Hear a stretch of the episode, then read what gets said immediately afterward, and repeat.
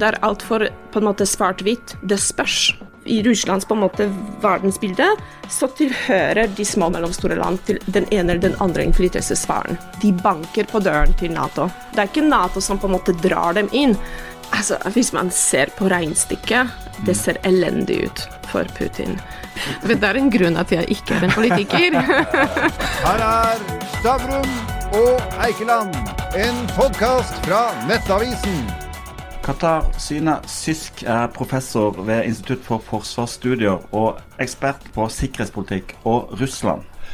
Sveriges eh, forsvarssjef Mikael Bydén han sier at svenskene bør forberede seg på krig. Mens vår statsminister Jonas Gahr Støre sier at vi ikke bør bekymre oss. Hvem er det som har rett? På en måte begge to, tror jeg. Altså det er en, eh, kanskje det er en litt kunstig motsetning, fordi på den ene siden så har begge rett. ikke sant? Den ene sier at vi må forberede oss på krig, og det er sant. Eh, jeg tror det som er viktig, det de ulike ledere uh, også i Nato prøver å formidle ved å si det, er at vi trenger en slags av mental skifte i, i våre samfunn. Vi trenger også militær oppbygging fordi vi lever i en helt annen verden. Jeg tror det er fortsatt for veldig mange har ikke på en måte, De har ikke helt forstått at det har skjedd en veldig stor endring, spesielt de siste årene. At det som man på en måte opplevde som en langvarig fred etter systemskiftet, altså 1989, den, den er virkelig borte. Hvis vi ser på, på, den, på, det store kartet, så har vi flere alvorlige konflikter uh, som, uh, som, pågår. Vi har selvfølgelig krigen i Ukraina, men vi har veldig mye ustabilitet i Midtøsten. Um, vi ser um, bekymringsfull utvikling også i Asia-Stillehavsregionen. Uh, vi ser flere andre som på en måte forsøker seg, f.eks. Venezuela, som, som er også kommet med ganske bekymringsfulle krav og potensielt uh, trusler uh, om bruk av militærstyrke for å få Guyana. ikke sant? Så, så, man ser på en måte flere sånne punkter som potensielt kan brenne. og det har selvfølgelig med den store geopolitiske utviklingen å gjøre inkludert eh, rivaliseringen mellom eh, USA og, og Kina. Ja, men, men, likevel, det som er nærme oss, da, ja. det er Ukraina og, og, Russland og det de gjør der nede. Og, og, og, det er jo ikke langt til Baltikum, og da er det ikke langt over til Sverige, over til Norge. Altså, altså det er veldig nært.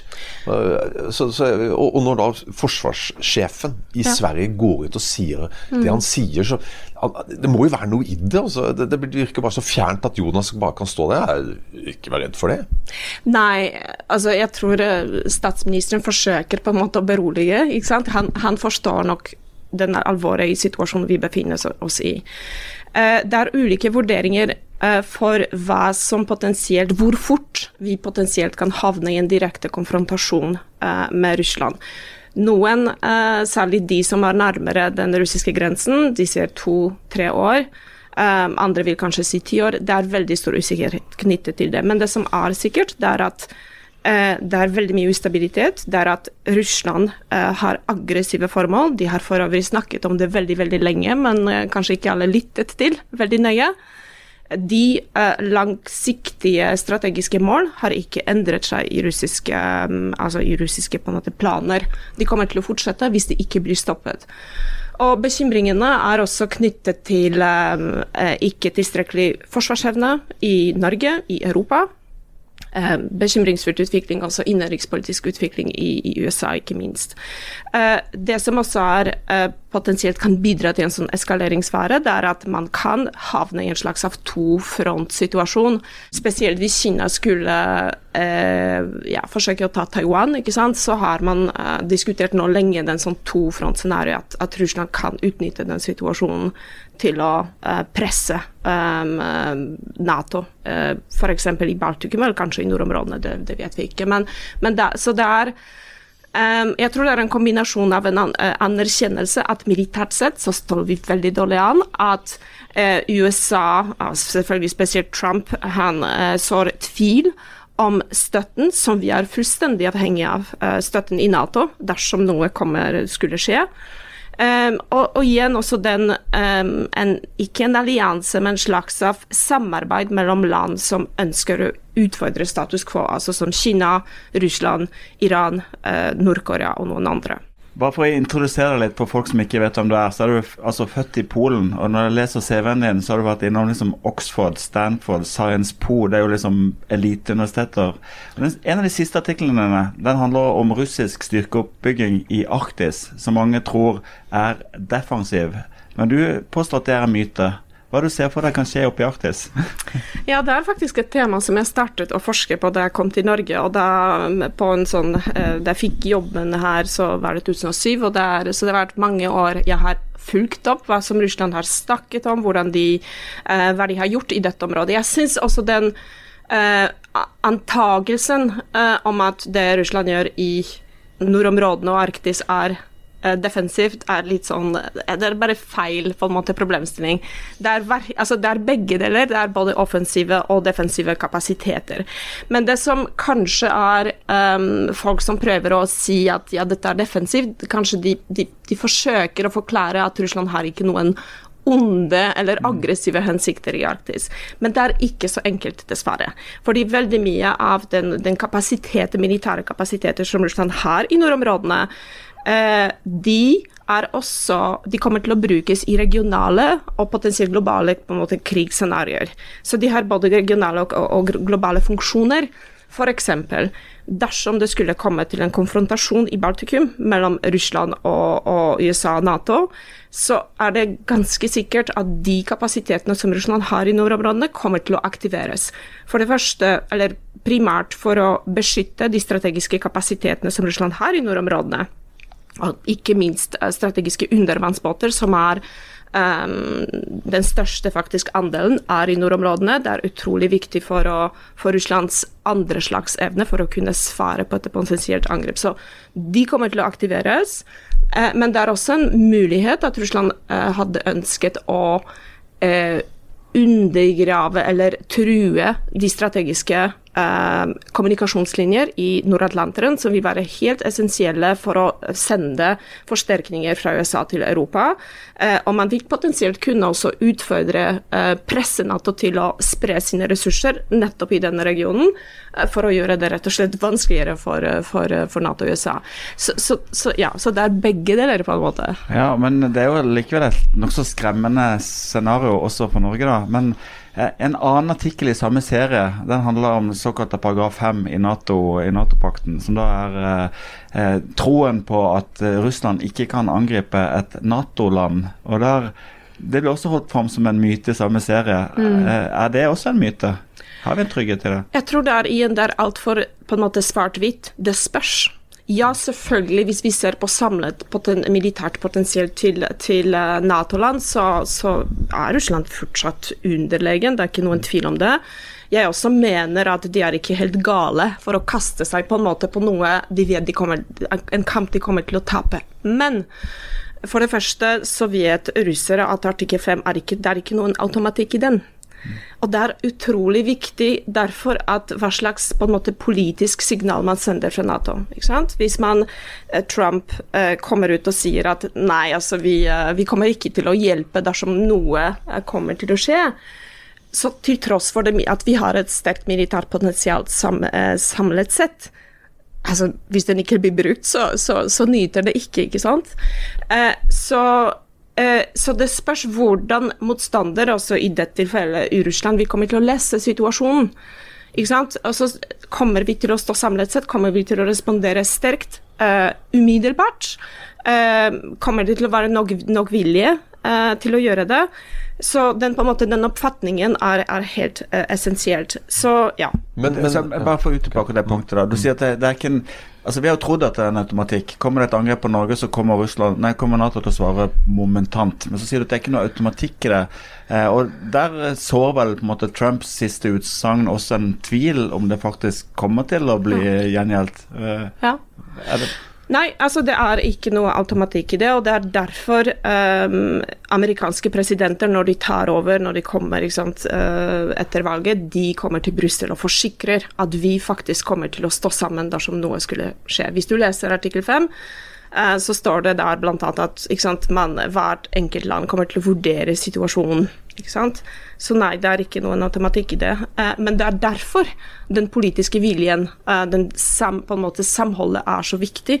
Og også hva vi kommuniserer til utlandet, til, til, våre motstandere. Fordi avskrekkingsstrategi, den dreier seg om å kunne overbevise fienden til at for det første, vi har nok militært potensial til å kunne svare, altså militær troverdighet, og vi kommer til å ha vilje til å gjøre det. Så det er både militært og, og politisk eh, på en måte en slags samspill. da. Uh, for å kunne avskrekke, for å kunne overbevise at vi kommer til å svare, og at, at vi kunne, vil kunne skade deg, eller du, kommer, du, vil måtte betale høye omkostninger dersom du, du gjør noe galt. Så derfor er det Eh, selvfølgelig det er en, en slags solidaritetserklæring i artikkel 5, men den er også veldig avhengig av den politiske situasjonen i alliansen. og det er derfor, når, når Trump kommer med sånne uttalelser, kan det på en måte gjøre så mye skade. Jo, men, men uh, jeg tenker sånn at uh, Trump, En av hans uh, største sånne negative ting før når han var president i forrige periode, det var jo det at han, han mente at USA tok altfor mye av kostnaden med samarbeidet. Han har jo mast på at nå må alle komme opp på minst 2 av BNP. Nå begynner jo selv Norge, i 26 i hvert fall, kanskje før, er der. Eh, Sverige skal jo nå belåne for å ruste opp Forsvaret. Vi ser jo nå at, at nå begynner jo i hvert fall de andre landene også å ta mer av kostnaden. Mm. Og da Tror du virkelig da at Trump er så gal at han altså, vil se på at et Nato-land blir invadert. Altså, uten å gjøre noe. Jeg kan ikke forestille meg det. Altså. jeg tror jeg kan forvente veldig mye fra Trump. Og jeg også stiller meg spørsmål liksom, ved hvor mye han forstår hvordan Nato fungerer, egentlig. Altså det 2 %-målet som alle snakker om, uh, det er ingen uh, krav. Det er ingen plikt, det er en retningslinje. Som, så det er en form for på en måte si dette her Vi vil gjerne at alle på en måte uh, bidrar etter evne. Og ja, vi vet at ikke alle, altså, ikke alle gjør det i, i tilstrekkelig grad. Det, her, det, er ikke en ny diskusjon. altså Siden uh, jeg studerte Nato-utvidelse på 1990-tallet og var inne i dokumentene, ikke sant. Um, og da diskusjonene i Nato det var gang på gang på gang kom USA og sa at dere må bidra litt mer. Og det er, det er, riktig, det er sant. Igjen, vi har levd i en slags boble veldig lenge. Uh, boble hvor uh, man på en måte ikke forventet at det var helt utenkelig at vi kunne ha en, en eh, stat-mot-stat-konflikt. At en eh, europeiske land kunne angripe et annet. Altså det, så, så, så, jeg tror det er, den, det er det som gjorde at forsvarsbudsjettene bare gikk ned i alle, eller de fleste uh, land. da. Uh, så den trenden har snudd noe etter annektering av Krim. Det er noen som våknet, og det er enda flere som våknet etter den storskala invasjonen uh, av Ukraina. Men, men, men, det er store variasjoner for hvor um, Variasjoner i vurderingen i de ulike land på hvor fort en potensiell konfrontasjon kan skje. Uh, ja. Som du sa, så skrev du jo doktorgrad om Nato-utvidelsen. Uh, og Forut for invasjonen i Ukraina så var det på en måte tale om å utvide Nato mot Ukraina. Hadde vi hatt den samme situasjonen i Ukraina hvis Ukraina hadde vært Nato-medlem som det vi har nå? Jeg vil hevde at nei. Altså, vi ser at ingen Nato-land er angrepet. ikke sant? Altså, Der jeg mener at utvidelsen har egentlig vist at den spiller en stabiliserende rolle. Um, Polen, Ungarn, Tsjekkia, ikke sant. Uh, og det er både politisk, militært, men også økonomisk. Uh, det er mye enklere å få investeringer hvis, hvis, man på en måte forventer at her er det faktisk dette, det er en forutsetning for at dette landet kommer til å være stabilt. Men jeg tror også at det uh, den um, vurderingen kom på en måte baserer jeg på hva jeg vet om Russland og russisk, hvordan Russland tenker om den, det internasjonale systemet, hva er deres langsiktige mål. F.eks. ut fra et russisk perspektiv, ingen eh, små og mellomstore land kan betraktes som fullstendig suverene. Russland forstår på en måte suverenitet på en litt annen måte enn vi gjør. Eh, så for Russland så må et land være tilstrekkelig sterkt militært, ha en sterk kulturell identitet, sterk nok økonomi for å være fullstendig eh, suveren. Og ifølge den definisjonen så ingen av de postsovjetiske statene, bortsett fra Russland, kan være uh, oppfattet som på en måte fullstendig suverene. De kan være selvregjerende, uh, de kan på en måte fungere som en enhet i, i, i det internasjonale systemet, men de avhenger av beskyttelse fra, fra, stormakter. ikke sant? Og Derfor oppfatter Russland baltiske republikker, Ukraina selvfølgelig, som ikke fullstendig suverene. I, i, i Russlands på en måte verdensbilde så tilhører de små og mellomstore land til den ene eller den andre innflytelsessfæren. Så, eh, og, og de oppfattes som en slags nullsumspill. Dvs. Si den enes vinningst er den eh, andre tapt. Hvis Ukraina er ikke under Russlands innflytelse, så kommer den til en måte fylles. Det, det, det, det kan ikke være et tomrom. Uh, så, så der, for Russland er den på en måte en kun stormakter kan være fullstendig suverene. Resten er på en måte avhengig av, av Pick and choose. Eh, ja, men, men, det er også den innebærer Den tenkningen om innflytelsessfærer innebærer en, en bestandig på en måte rivalisering mellom stormakter, og det er også derfor Russland fatter militærmakt som et så utrolig viktig virkemiddel til å få det til. Men er det ikke riktig? Altså, og Er det ikke også en del av amerikansk tenkning? Altså, det i hvert fall Historisk har det vært interessesfærer også fra amerikansk side? Ja. Nei, jeg tror den store forskjellen Jeg tror det er litt forskjellig likevel.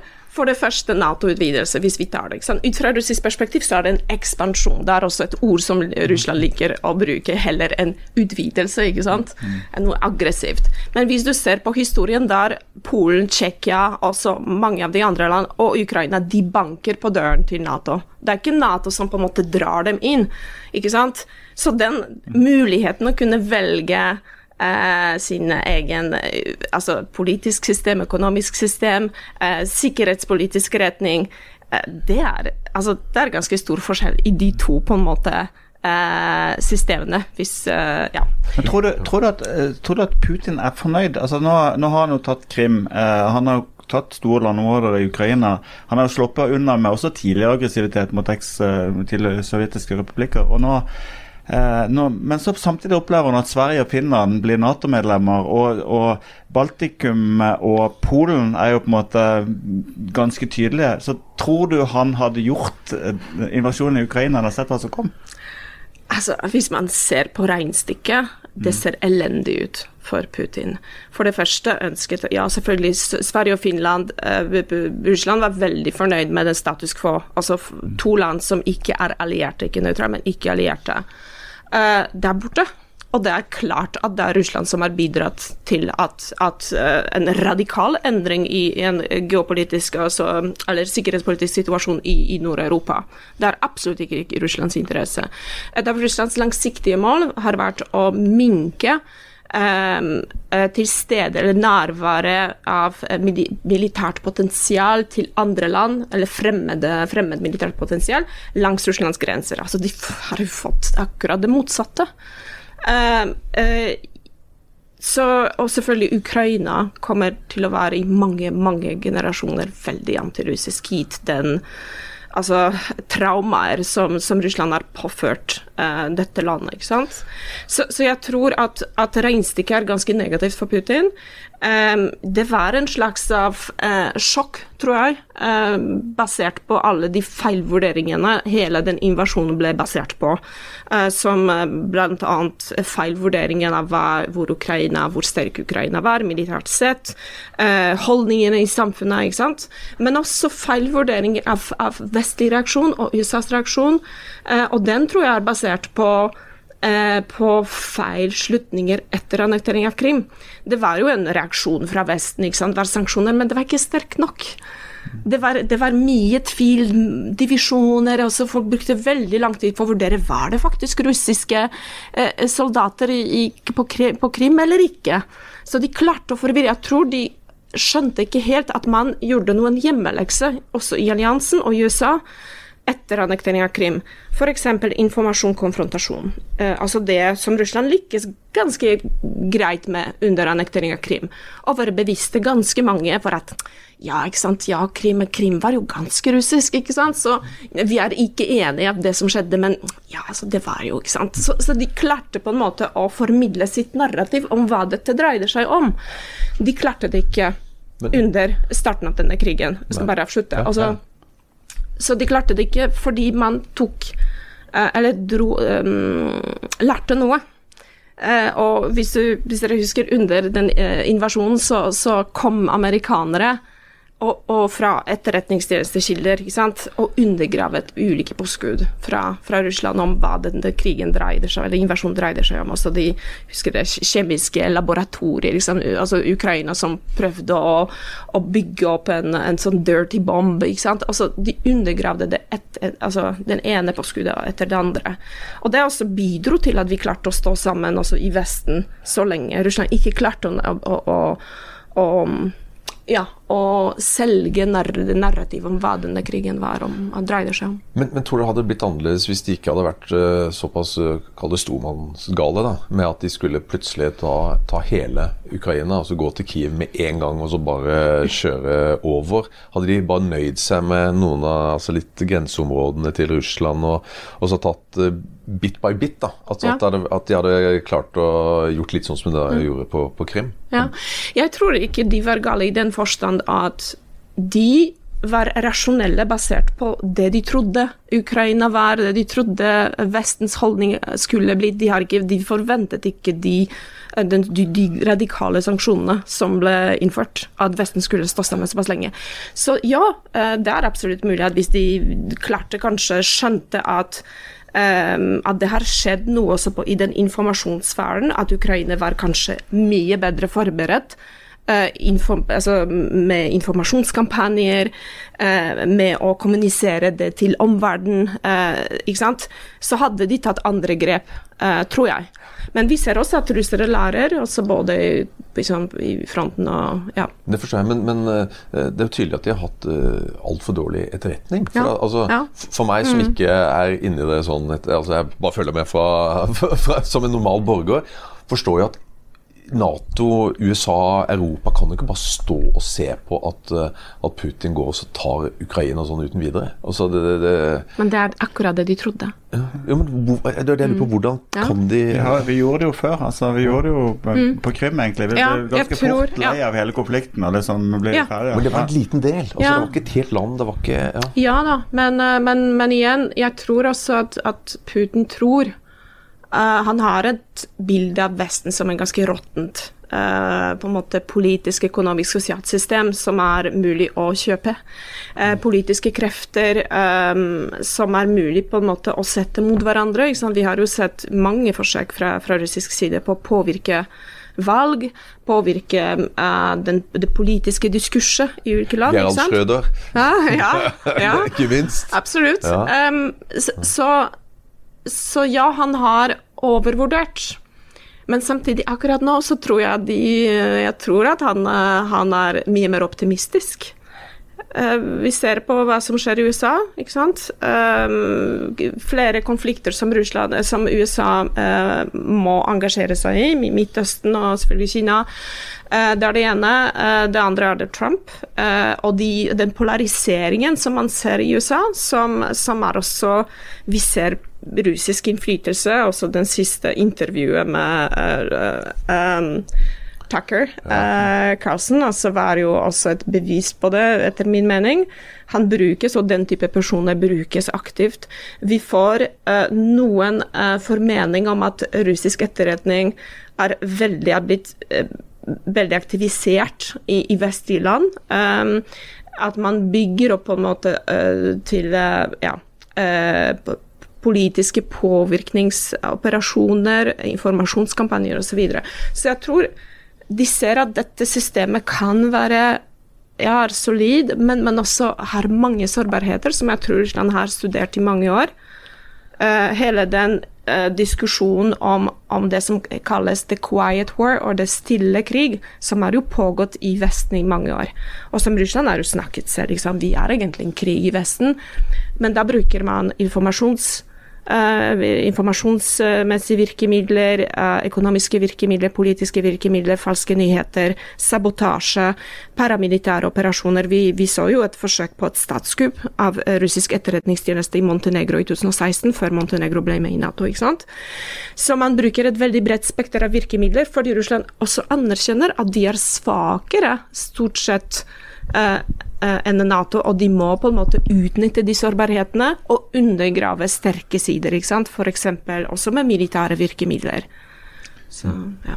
Du, det er jo superinteressant, så vi kan holde på i mange dager. Men la oss hoppe tilbake, oss hoppe tilbake til Norge. Og vi da sier at dere Russland har, uh, har, økt sin militære tilstedeværelse i Arktis. Uh, så vidt jeg vet, så er jo bombeflyene som bomber i Ukraina fra Murmansk altså, det, er jo, det er jo skremmende nær oss. Så hva hadde du gjort som norsk statsminister og forsvarsminister gitt dagens situasjon?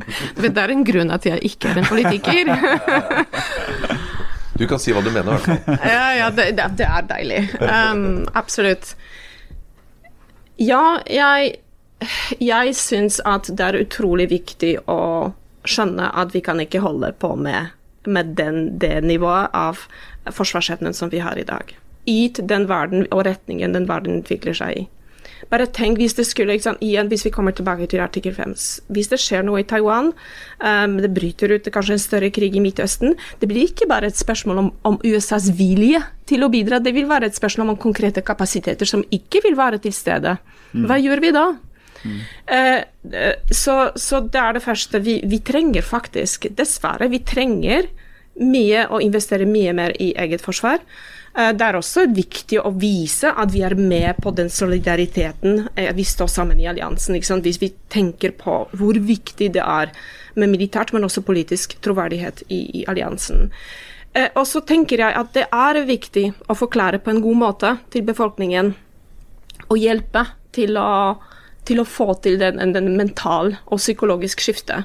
Og Det er en vanskelig balansegang, så jeg forstår at, uh, at våre eh, statsledere har en utfordring her, hvor de vil ikke, vil ikke skape en panikk. Jeg tror ikke dette kommer til å skje i morgen eller om et år. Men, men det tar litt tid å forberede seg, og det krever også en slags motstandsdyktighet i, i befolkningen. Uh, det å være forberedt, det å være på en måte også klar hvis det skulle skje. Og, og det, viktigste, det viktigste med dette er at dersom vi er militært, politisk, mentalt forberedt, så faktisk minker vi sjansen for at noe kommer til å skje. Fordi vi styrker avskrekkingsevna. Men, men, de kan vel takke seg selv litt? altså Erna før Jonas og Jonas nå. altså De har ikke akkurat gjort sitt for å styrke forsvarsbudsjettet de siste ti årene ti årene. Så de, de, kan vel takke seg selv at vi er litt sånn uh, svakt rusta. Ja, og det er et problem som mange land sliter med, men noen er flinkere til å snu om uh, mye fortere uh, og ta det mer på alvor. Polen er selvfølgelig et eksempel. Liksom, nå har de 3,9 av BNP. Og mange flere land. Jeg tror det, det, det, øker. Vi ser at forsvarsbudsjettene øker i Europa. Også den forsvarsindustrien, også produksjonsevnen øker. Men det er det, det, går for sakte. Ja. Men du, hadde. Hadde du flytta til uh, Svalbard nå? Det hadde jeg aldri gjort, selv om jeg, jeg syns det er et vakkert sted. Men, uh, men tenker du på, ja, på fare? Ja, exactly nå, med at, ja. at, det kan bli en sånn liten sånn hvor de kan teste, teste grensen litt? Uh, det er absolutt Altså, det er mulighet. Det vil igjen uh, vis, det er sårbarheter i nordområdene, og Svalbard er en, uh, et potensielt område pga. Uh, at Russland har et sterkt nærvær, pga. nærværet til Nordflåten, uh, og pga. at det, det, er flere juridiske spørsmål som kan måtte brukes og misbrukes av Russland. Og, men det vil avhenge av, igjen, av hvordan Russland vil oppfatte hvorvidt vi kommer til å svare, hvor sterkt vi kommer til å svare, hvor fort, hvorvidt vi kommer til å stå sammen. Så igjen, vi er tilbake til den avskrekkingsevnen som vi må styrke og, og bygge opp. Hva slags, hva slags, trussel skal vi beskytte oss mot i Norge? Altså, ta en sånn debatt som har vært nylig. da. Noen har jo foreslått at vi skal nærmest gjeninnføre total verneplikt og lage en stor, nærmest stående armé av vernepliktige. Andre sier at det er, sånn er ikke krigføring lenger. Det er mye viktigere å investere i nye teknologiske våpen. Eh, hva, hva tenker du? Hva skal vi beskytte oss mot, og hvordan skal vi beskytte oss? Jeg tror altså den krigen viser at vi trenger begge deler. Vi trenger de tradisjonelle sånn, Vi trenger mekaniserte avdelinger, uh, vi trenger mer personell osv. Luft, forsvar, luftvern. Uh, vi trenger også å bygge opp på en måte ja, ting som tilfluktsrom, ikke sant. Bygge opp den kapasiteten, eh, forsvarsevne, altså eh, defensiv evne i, i, samfunnet, hvis man kan si det sånn. Men samtidig så ser vi at Ukraina, til tross for at det noen ganger ser ut som en sånn krig fra sånn første eller andre verdenskrig, eh, så ser vi også de nye kapasitetene, nye teknologiene, som er ekstremt viktige. Russland, til tross for alle de problemene som de sliter med, investerer også i kunstig intelligens. Eh, noen systemer vi ser at de tester, spesielt autonome systemer. Så den, det må vi selvfølgelig også følge med. Um, uh, og være flinke på å se hvor noen nisjer, kanskje kapasitet som kan vi investere i, uh, uh, for å kan også kompensere for at vi er relativt få i dette landet. Vi har relativt få ressurser, da. Mm. Så, så, det er utrolig viktig. Og den tredje på en måte pilaren er altså samfunnet å kunne beskytte oss mot falske nyheter, politisk påvirkning, sabotasje, kritisk infrastruktur, alt dette. Så det er utrolig mye man skal gjøre. En av de tingene som overrasker meg når jeg så hva du hadde skrevet om, det, det, går jo på en måte på militærteknologien i Russland. Vi kan jo innbille oss at dette er bare en haug med gamle tanks de ruller inn. Det er feil. Sant, det er feil. Fordi ja. de, de, forsker på kunstig intelligens, som du sier. Og autonome systemer, ja. det er altså systemer som på en måte tar beslutningene selv, eller hva? Ja, autonome systemer. Altså det er, eh, ikke sant? Ja, det er Eh, på en måte ulike grader av autonomi. Uh, Fullstendig autonomt system vil kunne f.eks. Uh, eh, finne og velge å angripe mål selv. Vi er ikke helt der ennå, men, men, men det, det, er også et av måte, aspektene som man, man tester. Uh, kunstig intelligens kan, kan, være veldig nyttig til å bruke altså Man kan samle så enormt mye data. Hvor fort man kan gå gjennom og se alle de bildene. Så på en måte det kan fremskynde Eh, eh, samling, eh, analyse av mengde av datasystemer, og dermed kunne kanskje ta mer nøyaktige og, og, raskere beslutninger. Så f.eks. Russland er veldig interessert i å integrere kunstig intelligens i uh, alle nivåer av beslutningstaking, altså fra taktisk gjennom operasjonelt til strategisk nivå, f.eks. Også autonome systemer hvor man har elementer av, av kunstig som f.eks. Uh, i rekognoseringssystemer. ikke sant? Uh, man fremskynder uh, på en prosesser, man kan være mer nøyaktig. Uh, russere hevder at de allerede har testet noen autonome kapasiteter i Ukraina. Det er veldig vanskelig å, å bekrefte det, f.eks. i elektronisk krigføring. Men det er i hvert fall det som, det, det som forteller, det forteller oss at det er deres ambisjon, og vi må absolutt følge med. Så det er en kombinasjon altså, av det gamle sovjetiske, men, men de er også De letter etter um, fordel som de kan få gjennom uh, nye teknologier. Altså, det, er, det er superinteressant det du sier her nå, det er faktisk veldig skremmende. Og, og da må vi nesten til elefanten i rommet kjernevåpen. Eh, atomvåpen, rett og slett. Og, og, og, hvis jeg har forstått riktig, så er Russland har flest i, i verden. Faktisk mer enn USA. Det, jeg vet ikke om det stemmer, men det er iallfall det. så, så vidt jeg har klart å fått med meg. Og, og Frykter du at uh, hvis det går virkelig galt, uh, at Putin uh, vil, vil, ta det i bruk? Ja, hvis det vil gå riktig galt. Det er derfor de har dem. Det er først og fremst for avskrekking, men jeg mener at Russland har også um, tillater og har både kapasiteter og operasjonelle konsepter i, uh, som kan brukes uh, for å kunne ja, bruke kjernevåpen, ikke-strategiske kjernevåpen, i, i, en konfliktsituasjon. Det er først og fremst for å kunne presse motstanderen til å Uh, hvis det skulle være USA og, og Nato, det, jeg mener at kjernevåpen hadde blitt veldig tidlig på en måte inn i bildet.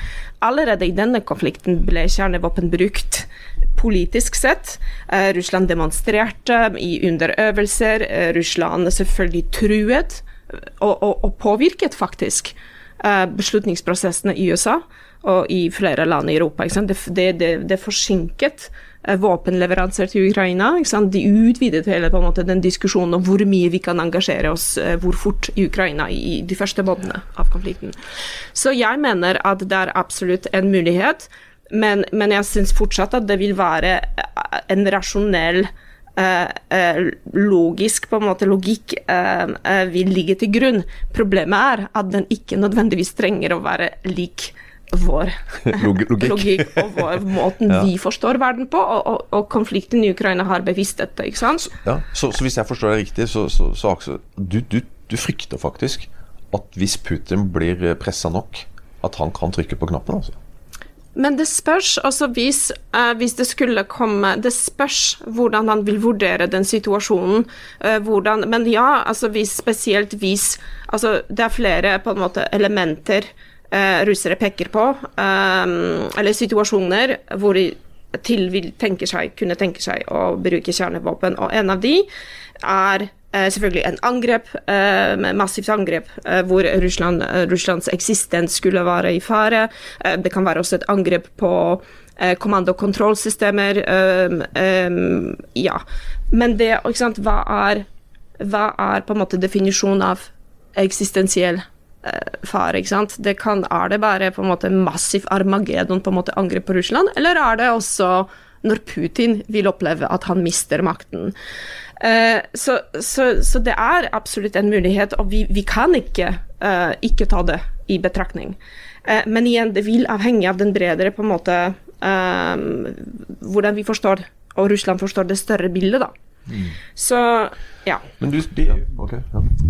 Vi må inn for landing, så jeg har lyst til å ta et oppsummerende spørsmål. Hvis du ser ti år fram i tid fra i dag, i prosent, hvor sannsynlig tror du det er at Norge blir inn blir eh, utsatt for en militær eh, operasjon?